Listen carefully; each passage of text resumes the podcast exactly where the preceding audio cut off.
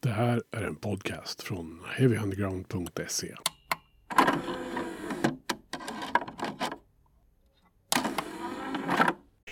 Du lyssnar på Heavy Undergrounds klassikeravsnitt i poddformat eh, som handlar om eh, viktiga plattor i mitt och mina gästers liv. Och eh, jag är sällsynt glad att kunna säga att det här är ett så här återföreningsavsnitt. För minnesgoda goda lyssnare kanske kommer ihåg eh, poddserien Just One Fix.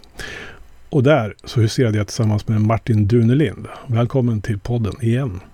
Hej, hej! Jättetrevligt att vi kunde göra det här och prata om en av världens bästa skivor. Ja, en ljuv återförening i poddsfären kan man väl säga. Det är det, är det absolut. Eh, vi hade vansinnigt, eller vi hade vansinnigt roligt när vi gjorde de där tio avsnitten. Så det här det ska bli trevligt att bygga vidare på. Ja, sitta och prata ett dygn om vårt favoritårtionde. Liksom. Det var det vi gjorde. Ja, herregud. Det är sämre saker kan man göra med sin tid. Ja.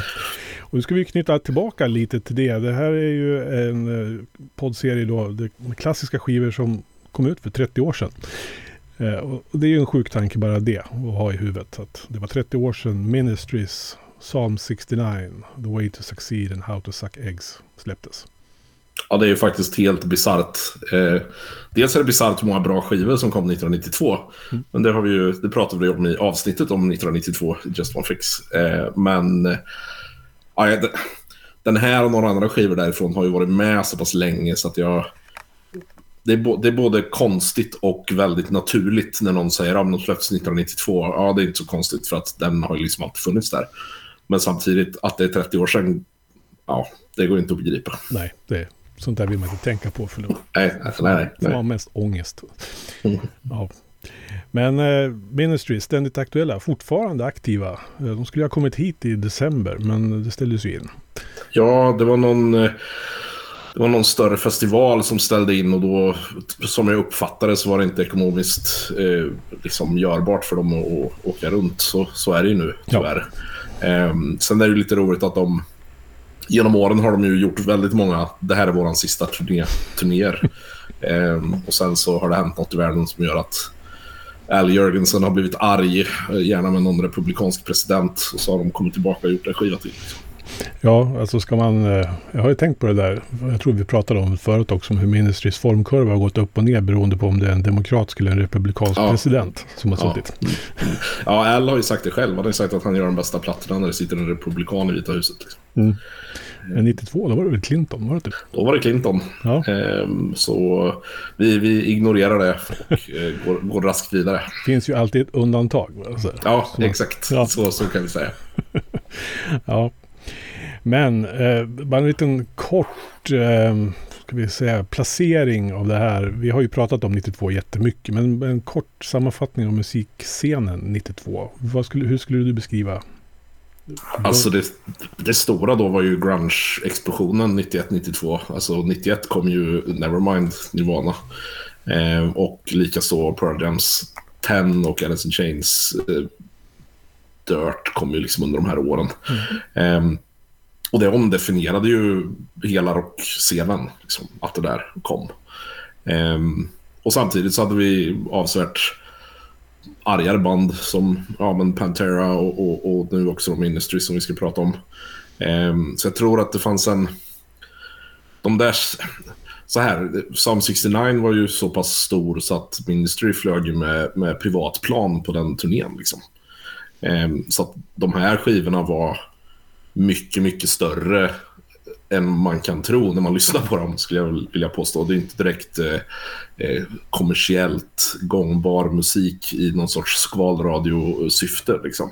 Mm. Eh, så att det, var en, det, var väl en, det var väl en tid för, ja, men för grungen, men också för episka plattor på något sätt. Eh, på så sätt att de inte bara fick stort genomslag, utan de gjorde verkligen de som gjorde de här plattorna till, till rock gudar liksom, på något sätt. Um, och så var det ju för Ministry. De, de var ju hur stora som helst på den här tiden. Mm. Um, bara en liten personlig uh, recap då. Hur upptäckte du Ministry? När kommer du ihåg första gången du hörde bandet? Ja, absolut. Ja, det, eh, det, var faktiskt eh, 1995 först som jag upptäckte Ministry. Eh, då jag via en, en flickvän började umgås med ganska många fler svartklädda människor än vad jag hade gjort innan som gärna lyssnade på ja, men Skinny Puppy och Nine Inch Nails och alla de här.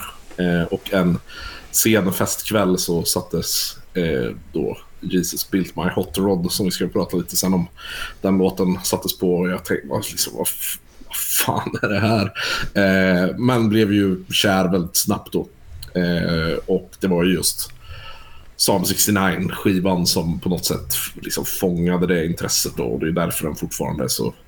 En av anledningarna till att den fortfarande är så väldigt viktig, tycker mm. jag. Ehm, och själv då? Du var tidigare än vad jag var. Ja, jag tror jag upptäckte Ministry då 92 faktiskt. När, det var ju på den tiden som MTV och apropå det där med vilken tid det var. MTV var ju faktiskt en kanal som kunde breaka lite undergroundband även i ja, mainstream. Visst, visst, visst. på mainstream-tid så att säga. Mm. Så att det var ju troligtvis var det väl eh, Jesus Built My Hot Rod-videon som började snurra. Eh, om inte annat så såg jag den ju på Headbangers Ball eller Alternative Nation eller vad allt vad hette ja. där. Alla dessa bilar som krockar och kör och allt vad det är i videon. Ja, och innan dess så kan jag säga att jag har liksom, hade nog ingen koll på Ministry alls. Utan det här dök ju upp liksom som en explosion i, i musiksinnet. Liksom. Jo visst, och det har ju mycket med att göra. Vi, vi pratade lite om det att de kom ju liksom från synthållet. Eh, snarare än att de har rötterna i en sorts, någon sorts metal. Liksom. De var ju, de var ju syntpop. De hade ju danshits liksom i början. Ja. Eh, och det är väl därför de flög lite under radarn för ja, för mig åtminstone eftersom jag blev inte exponerad för dem på samma sätt eftersom jag låg och guppade i grunge-träsket och hade liksom inte så stor... Jag hade inte så stort intresse av att gå ut och, och lyssna på vad massa syntband höll på med. Liksom. eh, så det var, ja, de kom ju från, från den änden av spektrat. Ja, alltså för Ministry har ju en ganska lång historia egentligen innan eh, Psalm 69. Det är ju ja, nästan, det är nästan tio år va, innan, eller kanske till och med mer. Ja, det är början på 80-talet någon gång. Ja, och som syntband helt enkelt då. I, det är väl Chicago de är ifrån från början. Ja, exakt. Mm. Eh, eller Al är ju, är ju från Kuba ja. i, egentligen. Men ja, själva bandet är ju från, från Chicago. Mm. Eh, men det är så här, man kan gå tillbaka och lyssna på de där låtarna och det hörs inte ens att det är samma band. Liksom. Det hörs inte ens att det är samma sångare. Nej. Nej, det är spännande det där. Resa de gjorde under 80-talet fram till 90-talet då. Ehm, mm. Men den skivan som kom innan, det är väl The Mind that is a terrible thing to taste. Yes. Ehm, där får man väl en viss aning om var de är på väg. Ja, det, alltså, ja, absolut. Det var ju då det blev mycket mer gitarrer än, än vad det hade varit innan. Eh, och framförallt mycket mer aggression liksom, än vad det hade varit innan. För tidigare så var det ju ändå någon sorts dansgolvshits, hade de ju några stycken. Eh, och Mind is terrible thing to taste börjar ju med, med ett gitarriff som är helt magiskt. Så, så att, eh, det var ju tydligt att de var på väg någon annanstans redan skivan innan egentligen, eh, The Land of Rape and Honey. Men det var inte metal, det är ju Nej. någonting annat. På, på The Mind så blev det ju faktiskt vad jag skulle kalla någon sorts metal. Ja, är det det som man brukar kalla för industrimetal? Ja, det är väl det, det, ut, det uttrycket som slets ut där i början och mitten av 90-talet. När allt som hade en gitarr och en sampler var industrimetal. Ja, det där kan vi ägna ett eh, eget avsnitt åt kanske. Vad, vad den genren egentligen är. För jag har det... aldrig riktigt förstått. Alltså, jo, jag fattar ju kopplingen med elektroniken och gitarrerna. Men industri är ju lite då... Ja, ja det finns ju en genre som bara heter industri som är mer... Eller, äh, det där kan vi göra ett tio avsnitt om så jag tycker vi skiter i det. ja, vi, vi, vi går vidare. vi går raskt vidare. Vi har ju en eh, tydlig huvudperson eh, här. Eh, och det är ju Al Jörgensen denna, denna rockgud och heroinprofet, eller vad man ska kalla honom för. Ja, under att han är 64 år som han är idag. Det är, helt, det är helt bisarrt. Strunta i de där 30 åren med skivan. Att, att han är 64 och dessutom fortfarande lever är helt absurt med tanke på vad han har varit igenom. Liksom. Mm.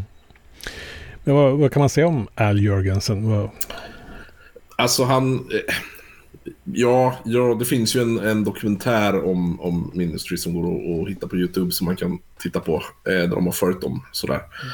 Och han är ju en väldigt väldigt, väldigt plågad själ märks ju. Eh, nu har inte jag koll på hur, liksom tiden innan det här, hur nere i drogträsket han var då, men han... Jag vill påstå och någonstans tro att liksom den här resan mot gitarrerna och mörkret gick hand i hand med drogberoende. Liksom. Um, och det var ju ingen, det är ingen myt att, att alla band som höll på på den där tiden på något sätt var beroende av någonting. Sådär.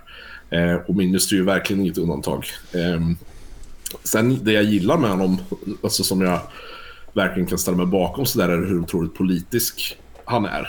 Eh, var och fortfarande förblir. Eh, varit väldigt inblandad i Rock the Vote bland annat som ju är ett sätt för att få, få unga att gå och rösta liksom, i USA. Mm.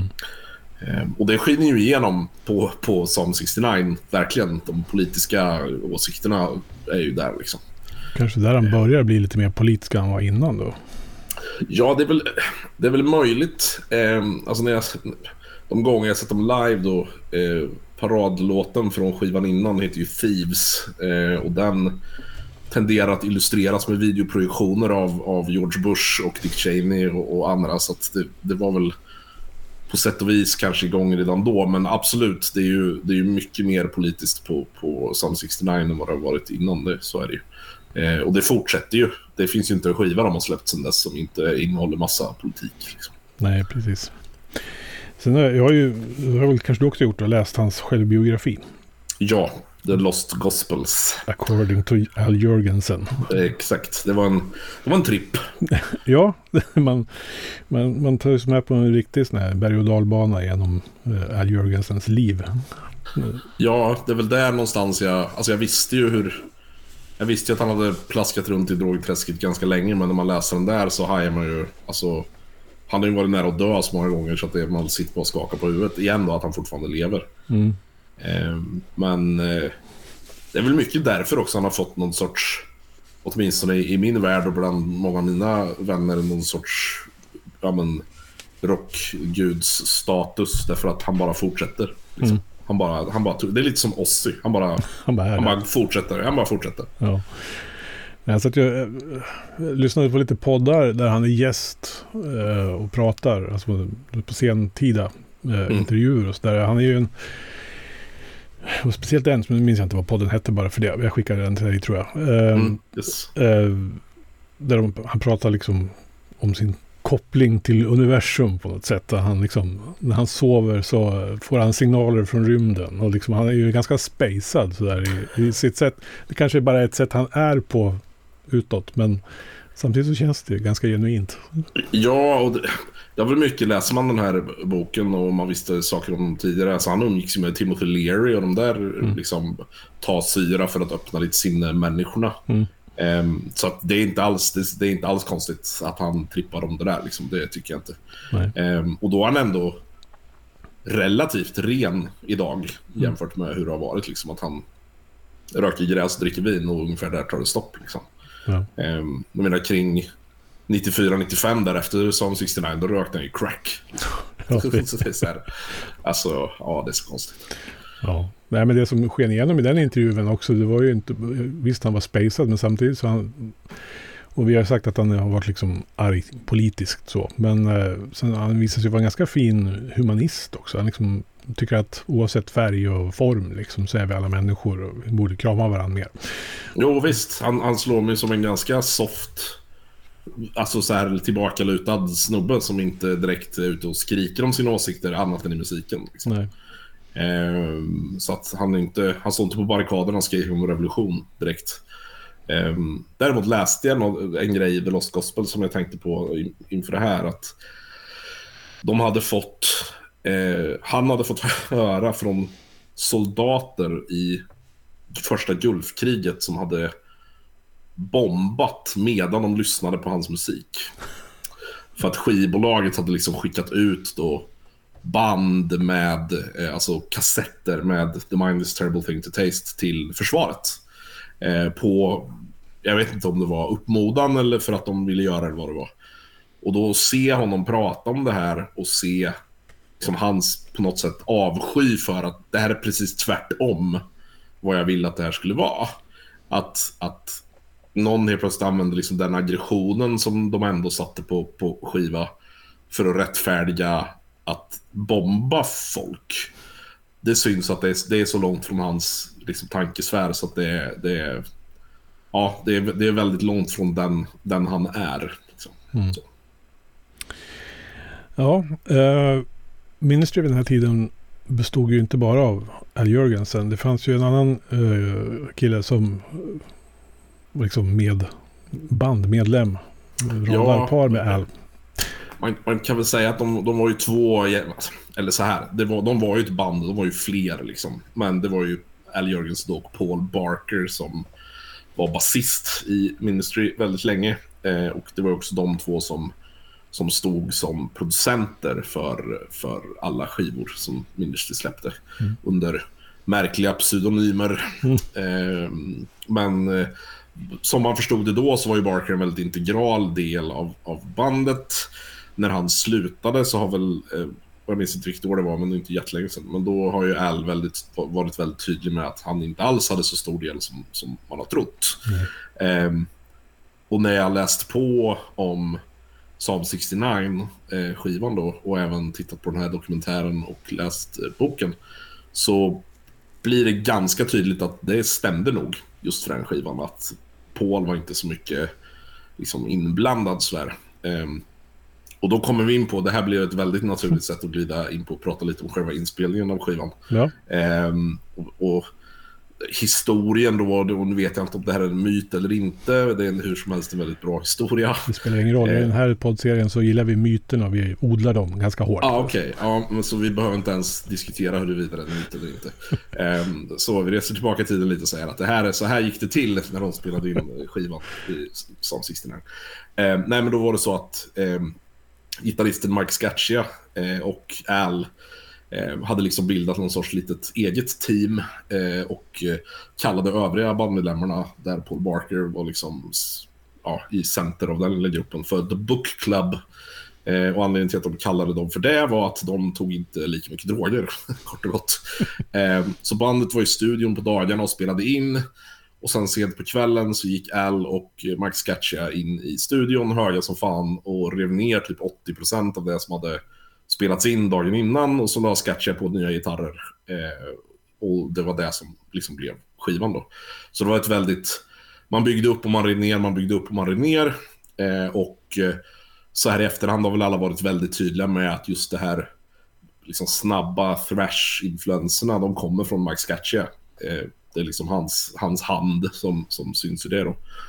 Eh, och han var ju med väldigt länge i Ministry tills han tragiskt gick bort. Eh, någon sorts hjärtattack 2012. Okay. Eh, på scen till och med. Eh, så eh, han var... Ja, det var på många sätt så den här skivan är han och Al snarare än Al och Paul. Mm. Ehm, även om resten av bandet såklart stod för 20-30% av, av idéerna. Bara det att Al kastade ut resten. Liksom. Och eh, man spelade ju in 30 låtar och det är nio på skivan. Så är det någon som sitter på de där andra 21 så får ni gärna, ni får gärna skicka dem för det vore fantastiskt att höra. Det finns ju viss fara att det kommer någon fet eh, Psalm 69-box så småningom. Ja, det är väl möjligt. Den, den borde ju ha kommit i år eftersom det är 30 år sedan. Eh, och där kan jag tycka lite... Eh, nu när de skulle komma hit och turnera så skulle de ju hit och turnera på senaste skivan då. Det är väl inte jättekonstigt men jag kan tycka att 30 år efter deras största platta så borde de banne mig göra en turné bara baserat på den skivan. Liksom. Egentligen borde det varit så. Så borde det varit. Mm. Um, har jag fel, men jag har nog minne av att gaget de fick för att spela in skivan gick inte så mycket åt själva studiokostnader och sådär. nej, nej, visst. Det här pratade vi om tidigare. Ja. Men eh, igen då, det här är ingen myt, det här är sanning. eh, så, så, så, var det så att de fick 750 000 dollar för att börja spela in eh, Psalm 69. Eh, och det var för att de hade nått sådana framgångar med, med The Mind och, och, de hade turnerat mycket och de var, de var stora, de var rockstjärnor liksom. Så de fick en absurd mängd pengar och höll på i 15 månader i studion. Eh, under de här 15 månaderna så blåste de i stort sett alla de där pengarna på droger. Eh, det finns, eh, finns ju uppgifter någonstans om att de, vissa dagar så gick det åt 1000 dollar bara för att, för att hålla igång deras liksom, heroinmissbruk. Då. Eh, så de, de krigade i studion i 15 månader. Eh, sen kom skivbolaget och sa vad, vad, vad, har ni, vad har ni gjort? Vad har ni producerat? Och de sa ja, vi har en, en låt klar. Och skivbolaget sa en, va? Vad håller ni på med?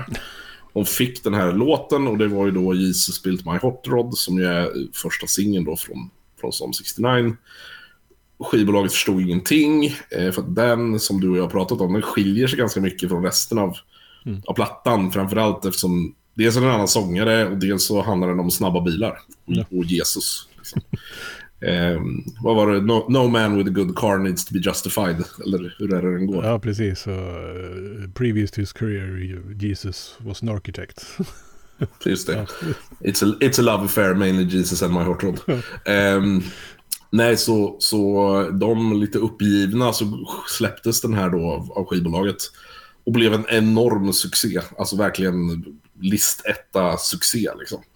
Eh, vilket gjorde att Ministry fick ytterligare en stor påse pengar och så fick de fortsätta och spela in plattan. Liksom. Mm. Eh, så det är en liten... Ja, en, en märklig historia egentligen hur en, ett, ett, liksom en efter, ett spår som egentligen var en eftertanke som de hade spelat in på kul med sin kompis som sjunger råkade bli en monsterhit. Och det var det som gjorde att de fick fortsätta spela in vad som i mina ögon är en av världens tio bästa skivor. Liksom. Ja. Alltså titeln är ju lite intressant. Psalm 69, The Way to Succeed and The Way to Suck Eggs. Ja, jag har inte ens, jag har ärligt talat inte ens försökt förstå den Nej, det finns väl en viss koppling till Alistair Crowley eh, och i hans eh, The Book of Lies så finns det tydligen en koppling till kapitel 69 i den boken. Ja, okej. Okay. Ja, men det låter som Al. Ja. Det, är, det, är inte så konstigt. eh, men, eh, nej men de... Alltså själva titeln står ju inte ens på skivan liksom. Det är bara en massa konstiga tecken på, på plattan. Du, det finns ju ingen... Finns ju ingen ryggtext på den så att du kan se att den heter Psalm 69. Liksom. Nej, precis. Det är lite konstiga tecken som sagt. Ja, exakt. Och det är inga texter med i den heller, vilket är konstigt för en skiva på 90-talet. Mm. Så det är, en, det är en, en udda fågel på så sätt. Läser man på Wikipedia om den här skivan så de här tecknen då, det är tydligen eh, ett kapitel i Crowleys bok då. Eh, som han själv har skrivit. Ja, såklart att det är. Ja, ja men den, eh, de här tecknen då. Och det ska då betyda shrugged. Vad det betyder på svenska. Ja, rykte på axlarna. Ja. ja. Så att, eh, ja. Och sen så är det, ja, det finns lite kopplingar till olika eh, positioner man kan ha i sängkammaren också här. Det där, alltså okej. Okay. Precis som mycket, med mycket annat kring Ministry så känns det där som någonting man sitter och fnissar åt klockan två på natten. Och, och liksom, hit, någon tycker att det är jättespirituellt och några av de andra tycker bara att det är fånigt och så beslutar man sig för att fan vi kör. Ja, precis. Klock, klockan två beslut. Ja. Men eh, som sagt, vi gillar ju myter och eh, hur, hur saker och ting skulle kunna ha kommit till här. Att... Ja visst, och det är en stor del i, i liksom nostalgitrippen som vi ändå, som vi ändå liksom ägnar oss åt här, som du och jag har ägnat ganska mycket tid åt, mm. är ju att med tiden så är det myterna man minns och sanningen blir någon sorts fotnot. Liksom. Ja. Eh, och myterna kring, som på många sätt då har blivit bekräftade i boken och i, i, i dokumentären och så här, myterna kring det här bandet är ju väldigt storslagna. Sådär. Väldigt destruktiva framförallt. Mm. Men eh, det är ju inget så här, de är ju inga choir boys, eller vad man ska kalla det. Eh, det är ju, det är ju plågade, plågade själar som har gjort plågande musik. Liksom. Ja. Men du, själva skivan då, vad ska vi säga om den? Hur, hur, vad är det som sticker ut så med Psalm 69 som inte andra skivor hade? Alltså grejen är, jag har, jag lyssnar på den där väldigt mycket och jag har lyssnat på den lite extra inför det här eh, avsnittet. Eh, och liksom minnesbilden man har, om, om du skulle sätta mig ner och säga så här, ja men hur låter den här skivan? Då är det två, eller tre låtar jag kommer ihåg, eller som jag skulle lyfta direkt. Och det är så här, eh, New World Order, Just One Fix och Jesus Built My Rod. Mm. Och anledningen till det är att Jesus Built My Hot Rod står ut för att den är så eh, annorlunda jämfört med det andra. Och eh, Just One Fix och The World Order är för att det är de två första låtarna på skivan och det är de två som pisk piskar hårdast. Så. Men när man lyssnar på hela så finns det ju... Det är inte ens början på spektrumet av hur den här skivan låter. Då är det liksom Scarecrow som är en, en liksom nästan... Ja, den är ju, den är ju tiondel så snabb som liksom de här andra thrash-kängorna som man får i ansiktet. Mm. Så att den är ju mycket mer nyanserad än, än, vad man skulle kunna tro om man bara lyssnar på de två första spåren. Liksom. Ja, så snarare TV2 som är liksom någon form av extrem eh, elektronisk eh, eh, ja, Tripp. Ja, tripp-urladdning sådär. Nej, och, och den, det är ju lite det som har gjort att den har hållit. För alltså jag, jag ska inte sticka under stol med att det är de där två första låtarna som har gått mest. För att de, de är ministry för mig på många sätt. Um, men lyssnar man på den som en skiva, alltså från start till mål, så där som man har en tendens att göra när man är i våran ålder, så den, den har ju en, en helhet som är mycket bredare än så. Liksom. Mm. Um, och, och, det är väl det som gör den stor. Ja, man kan ju konstatera att den egentligen är tvådelad. Alltså det första, New World Order och Just One Fix, TV2 och Hero kommer sen. Och sen Jesus Will My Hot Rod, det är första halvan. Ja. Och det går ju undan rätt bra. Uh, sen kommer Scarecrow som är någon sorts industridom, i brist på bättre ja. beskrivning. Och sen så går det ju bara ner liksom i, i avgrunden på något sätt. Musikaliskt. jo, men... det kommer, sen kommer titelspåret och sen kommer de två avslutande Corrosion och Grace som bara är. Ja. Det är väl där kanske man kommer in på det här riktigt experimentella nästan. Ja men visst är det så. Och alltså, det är väl där de har suttit då klockan fyra på natten och vridit på maskiner och, och silat heroin liksom. Ja, jag läste någonstans att det var ju, de två sista spåren, det var ju Paul Barker mest som låg bakom dem för att ingen annan var kvar i studion för alla var osams med varandra. Okej. Okay, och så ja, var det han som, det ju... han som skruvade till dem på slutet där. Så att... Det är ju fantastiskt roligt att säga, delar av skivan är bara Al och delar av skivan är bara Paul. Liksom. Ja. Eh, men jo, och, och de tenderar ju att köra. Det är, jag har sett dem live ett par gånger. Eh, och, och, på 90-talet var de ju helt magiska för då var de ju hur stora som helst. Och de, den turnén de gjorde då, 96, har den perfekta spellistan för den plockar alla de bästa låtarna från deras bästa skivor. Liksom. Mm. Eh, men de här Psalm 69-låtarna, de har ju följt med, speciellt Just One Fix. Skulle de inte spela den på en spelning så skulle ju folk riva hela stället. Liksom. Mm. Um, och, och, de tenderade väldigt länge att köra New World Order, Just One Fix och Hero utan paus. Eh, och det är ju typ, ja, vad blir det, typ 15, 14 minuter eller något av bara solitt mangel liksom. Mm. Eh, så det, det, var ju en, det var en upplevelse. Eh, men då har man ju avhandlat de första halvan av skivan i stort sett. Jag tror aldrig, de där sista låtarna har ju aldrig spelat. Skulle jag vilja påstå. Inte ens Scarecrow. Den borde, ja, ju, den borde ju funka live ändå. Alltså. Ja, den har gått vet jag. Eh, frågan är om jag har sett dem göra... Jo, det har jag nog. Mm. Ja, ja, skitsamma. Eh, men det är, ju, det är ju ingen... Det är ju inte så förvånande vilka låtar det är som har fått utrymme från den plattan. Liksom. Nej. Jesus Built My Rod då, det är en sån här live-låt de kör. Jag har faktiskt jag har aldrig sett dem. Så att, eh...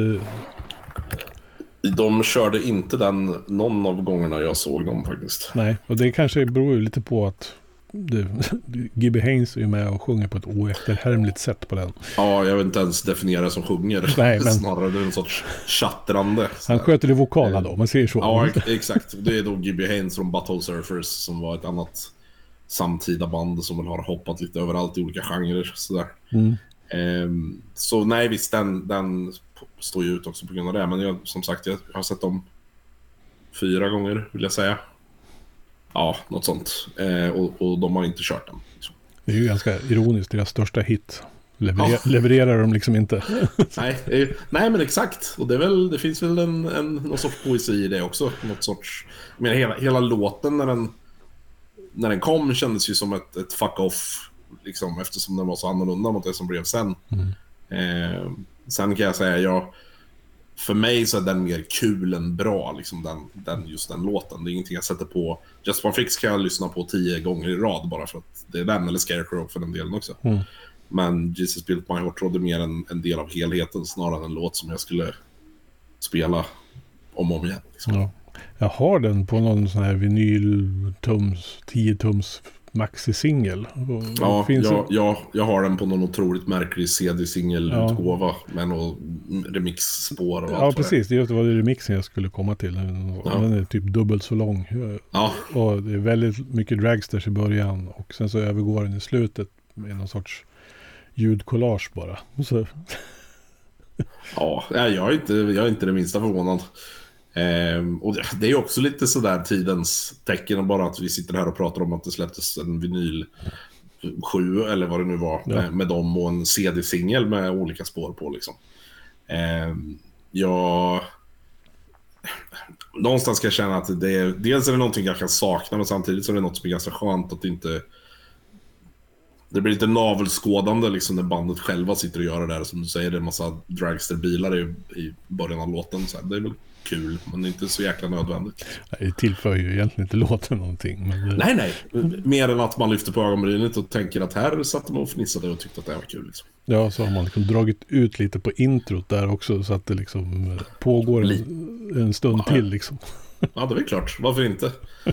Ehm, nej, men så det, det är intressant det du, ja, men som du säger att det är två olika delar. Jag har liksom inte tänkt på det så. Ehm, en, en lite snabbare och en lite långsammare del, eller vad man ska kalla det för. Mm. Ehm, det är en... eh, Ja, för, för mig så har det varit mer en, en helhet där liksom slutet har varit någon sorts mer brygga över till nästa skiva. För att framförallt Scarecrow skulle ju ha kunnat platsa på Filth Pig som kom 96 då, som liksom kommer efteråt, som är mycket slöare och doomigare, eller vad man ska kalla det för. Ja. Men eh, ja, den, är- den är också bra, men det är inte som 69 bra. Nej. Men om du, om du liksom är absolut tvungen att välja då eh, en låt. Det är just one fix. Det är bara så. Ja, det, du behöver, jag behöver inte ens tänka. eh, och det är för att den... Ja, men det, det finns ju en anledning till att vi namngav vår förra podd Ja. efter den låten. Liksom. Det är sant. Eh, den... Eh, det är en sån där... Ja, men ikonisk låt för mig. Eh, och den, den spelades ju också rätt hårt liksom, på MTV och sådär sen. Eh, så att den, eh, ja, den... Den står ut väldigt, väldigt mycket just av den, av den anledningen. Det är sådär så att varje år när man får sin... Det här har du lyssnat mest på på Spotify, då är Just One Fix alltid med på min lista. Liksom. Mm. Eh, vilket säger någonting, tycker jag. Du nämnde videon till Just One Fixed. Visst är det en lite annan version då? Ja, det det. Eh, William S. Burroughs är ju med i början på videon. Ja, exakt. Ja. Eh, det, han var ju också kompis med, med Al. Liksom. Eh, och det samma live var ett annat intro på, på låten också. Så att, eh, och det kan jag, kan jag gilla när man liksom tillåter sig att och, och variera sig lite sådär. Eh, det tänkte jag med, uh, faktiskt på, på tal om variation. Um, Ministry har ju haft en ganska roterande uppsättning musiker genom åren. Um, det är väl egentligen bara Ja, det är ju bara Al som har varit från start till mål. Liksom. Uh, och Paul var med väldigt länge och Mike Scatchia var med väldigt länge. Men annars så, så har det roterat ganska mycket. Uh, men en av dem som var med var Joey Jordison som ju spelade trummor i Slipknot. Han var ju med i, i Ministry ett tag. Eh, och jag såg en liveupptagning eh, där han är med och spelar och de kör Just One Fix. Jag tänkte fan, det här låter ju jättekonstigt. Vad, vad är det här? Och då insåg jag att det är trummorna som är som är liksom annorlunda. För att på skivan så väldigt många av trummorna är liksom snabba och raka. Det är ingen, det är inget krusiduller, det är inget tjafs, det är liksom bara piska på. Eh, men han helt plötsligt skulle göra någon så här metal-fill liksom, mellan då sådär. Eh, och det tog bort helt och hållet den här, för mig tog det bort helt och hållet känslan av liksom en bara käftsmäll som de där låtarna är egentligen. Att det är ingen, man får ju knappt andas liksom, det är bara full fart. Ehm, och det är väldigt karaktäristiskt för låt, låtar på den här plattan, tycker jag. Att det är den typen av trum... Det skulle lika gärna kunna vara en trummaskin, liksom, Mm. som, bara, som bara kör. Ehm, vilket är en, lite intressant, tycker jag. Eh, vad skulle du säga? Just, eller, just One Fix nu skulle jag höra. Eh, Psalm 69. Eh, arvet efter den? Liksom, vad, har den vad, vad betyder den för det som hände sen, tror du? Alltså jag, jag skulle vilja påstå ganska mycket. För att det... Nu vet inte jag huruvida det är så, men det är, alltså vet, jag, jag har ju läst att det är såklart att det är så. Men det finns ju en... Nine Inch Nails då och Ministry var ju, de turnerade ju tillsammans och, och de fanns liksom i samma sfär av människor och sådär. Eh, och Nine Inch Nails blev ju på sin skiva 1994, eh, Downward Spiral, avsevärt hårdare än vad de var på skivan innan. Eh, och det påstår jag och många andra kommer mycket från Ministry. Det är arvet. Liksom. Mm. Att det var band som hade jobbat mycket med elektronik och stoppat in gitarrer helt plötsligt insåg att fan stampar vi på gaspedalen ännu, ännu mer så är det okej. Okay, liksom. eh, och jag menar, Nine Nails blev ju större än Ministry. De är ju större än Ministry fortfarande. Mm. Eh, och, och sen finns det ju band som Eh, ja, men du har ju haft ett, ett avsnitt av Peace, Love and Pitbulls. Liksom. Mm. Det är ju inget, det är ingen hemlighet att, han har, att Tåström har lyssnat på Ministry i, konstant liksom, när man hör de där skivorna. Eh, och för Sverige, det finns ju andra svenska band. Mystery Loves Company är också väldigt influerade av Ministry där i början. Eh, och, och någonstans så... Jag vill inte påstå att det blev en industrimetal-våg på några sätt, för det har aldrig funnits en sån våg. Eh, men det blev ändå några ganska stora band som där man märker att ja, men här, här finns det liksom smulor åtminstone, eller någon sorts kärna från, från Psalm 69. Marilyn Manson är ett bra exempel på det också, till exempel. Mm. Ja. Som ju också blev väldigt mycket större. Mm. Ja, nej, men det, det, är ju tydligt att uh, det Ministry gjorde där 92, det gav liksom eko under resten av 90-talet sen i alla fall. Jo, men visst är det så. Och alltså det, det går ju att hitta fler skivor som har gjort det, som ni har pratat om tidigare i den här serien också. Liksom. Eh, och, och det är jag hatar uttrycket egentligen. De var före sin tid. Eh, så kan man ju säga liksom om, om band som bara, nej, de var inte före sin tid. De startade det. Som Rage Against the Machine till exempel. Visst, de var inte först exakt med att göra det de gjorde, men det var de som fick det att Funkar. Synas, ja, synas och höras och funka liksom. Eh, och det var ju samma med, med Pantera och det var samma med Ministry och, och, och sådär. Eh, så att de, eh, ja, de, de, banade nog väg för väldigt många elektroniska band att tycka att det helt plötsligt var okej okay att spela gitarr också. Mm. Men det som hände med Ministry efter Psalm 69, alltså de släppte ju Filth Pig 96. Ja. Eh, vad tog, en... liksom, tog de vägen musikaliskt? Jag, jag tappade nog, ärligt talat, lite intresset därefter redan. Ja, alltså jag, jag tycker att de två är de... Eller så här. Det beror lite på dagshumör för vilka, vilka Ministry-plattor jag tycker är bäst. Men efter Filth Pig så blev det väldigt, väldigt ojämnt. Mm. Eh, tycker jag extremt ojämnt. Eh, och några skivorna där hade de... I mina ögon hade de inte ens behövt göra dem. Liksom, för att det är, så här, det är en, en sån gäspning så att det, det finns inte. Um, men det är väl som 69 står ju högst för mig tätt följt av Filth Pig och uh, Mind is terrible thing to taste. Men sen släppte de ju Rio Grande Blood. Ja. Um, och den... Anledningen till att jag gillar den är att de piskar på igen. Liksom. Den är ja. ju sna snabb. Den, den ekar ju ganska mycket av Psalm 69. Tycker det gör jag. den. Det gör den. den. Mest av alla deras skivor skulle jag vilja påstå. Mm, ja, den gillade jag eh. faktiskt jättemycket när den kom. Så mm. då, på något sätt återupptäckte jag nog Ministry då. ja, jag, jag, tror att det finns en... Eh, och jag vet inte om det var medvetet eller inte, men det finns en, en sån uppenbar koppling tillbaka till hur de lät tidigare. Att det nästan är som att de har så här... Ja, men nu hittar vi tillbaka till det här. Lite så känns det. Mm. Ehm, för några av plattorna däremellan, ja, The Dark Side of the Spoon till exempel, den har jag inte lyssnat på på jag vet inte hur länge. Liksom. Den går ju bort bara på grund av att det är så dålig ordvits på den. Ja, jag tycker faktiskt det är en ganska kul ordvits. Eh, och det var ju någonting som han fortsatte med sen att göra ordvitsar på, på eh, skivtitlar, liksom From Beer to Eternity är ju också en ja. sån där. Som man bara, sk jag vet inte om jag tycker den är störtlöjlig eller genialisk. Liksom. Eh, men, eh, och det visar också lite om man tittar på, alltså Psalm 69 och de där var ju väldigt, om man backar tillbaka då, Psalm 69 och plattorna innan. Även fast de är ganska politiska på sina ställen så känns de väldigt introverta. Att det är väldigt mycket ja men titta inåt. Eh, Just One Fix handlar ju bokstavligt talat om, om heroinmissbruk. Liksom. Mm. Eh, och, och senare så blev det mer, jag skulle, mer uttalat, utåtriktat. Liksom. Eh, och det tycker jag är ganska tydligt då med, med Real Grand Blood och, och lite andra plattor. Sådär. Mm. Eh, och jag vet inte vad det skiftet riktigt berodde på. Eh, om det var så att han helt plötsligt insåg att crack var dåligt och, och vi gjorde någonting annat. Jag vet inte. Eh, men eh, nej, och det, det är väl lite av en kliché sådär, men liksom 92-96 där är ju deras mörkaste period och det är intressant att man tycker att de plattorna är bäst. Ja. då, han, då det var som mest droger kring bandet så tycker man att det är bäst och det får man väl tolka lite som man vill. Ja. Och jag, jag blev faktiskt ändå lite glad. Den senaste plattan, Moral Hygiene, den tyckte jag ändå höll ju näsan åtminstone ovanför vattenytan. Uh, ja, jag säger let, let's agree to disagree. Ja, jag du... tyckte den var... Ett, nej.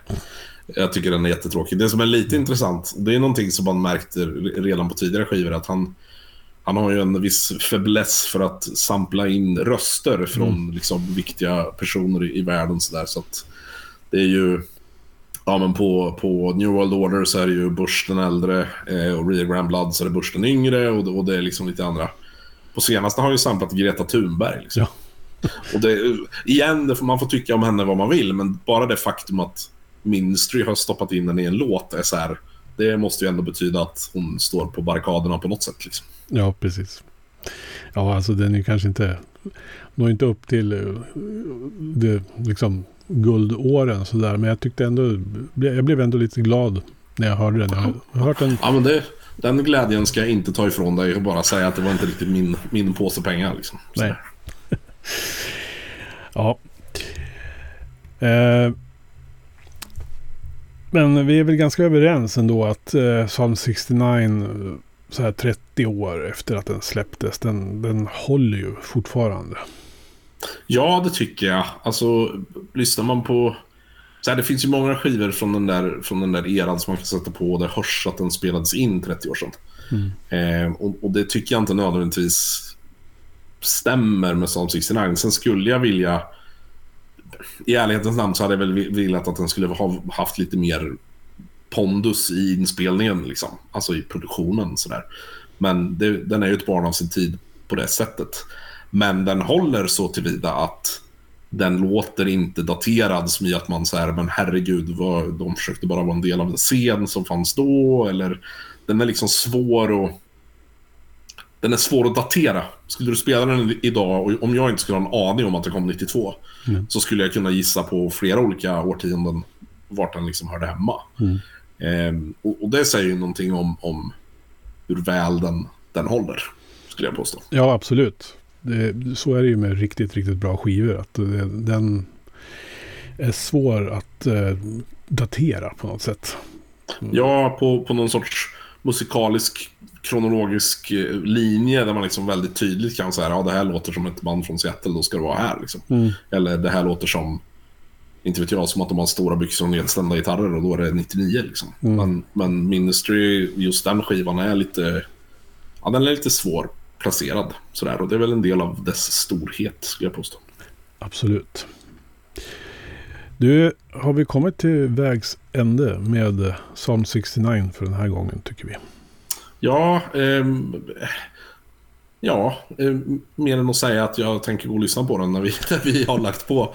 Eh, nej, men visst, den, den eh, har ju uppenbarligen lämnat ett avtryck hos oss båda, skulle jag vilja påstå. Mm. Ja, och, eh, skulle jag liksom bli tvingad att skriva någon topp 10-lista på 90-talets bästa skivor så skulle den ju definitivt vara med. Eh, ja, för mig, för mig är det ju inte ens 90-talets bästa skivor. Det är ju bästa skivor. Så är den här på topp 10. Ja, ja. Eh, så att den... Ja, den, bety den betyder väldigt mycket och den kommer nog aldrig att inte göra det, tror jag. Nej. Eh, ja, jag tror vi är nöjda och glada här. ja, det tror jag en skiva som betyder mycket för oss båda eh, och för många andra.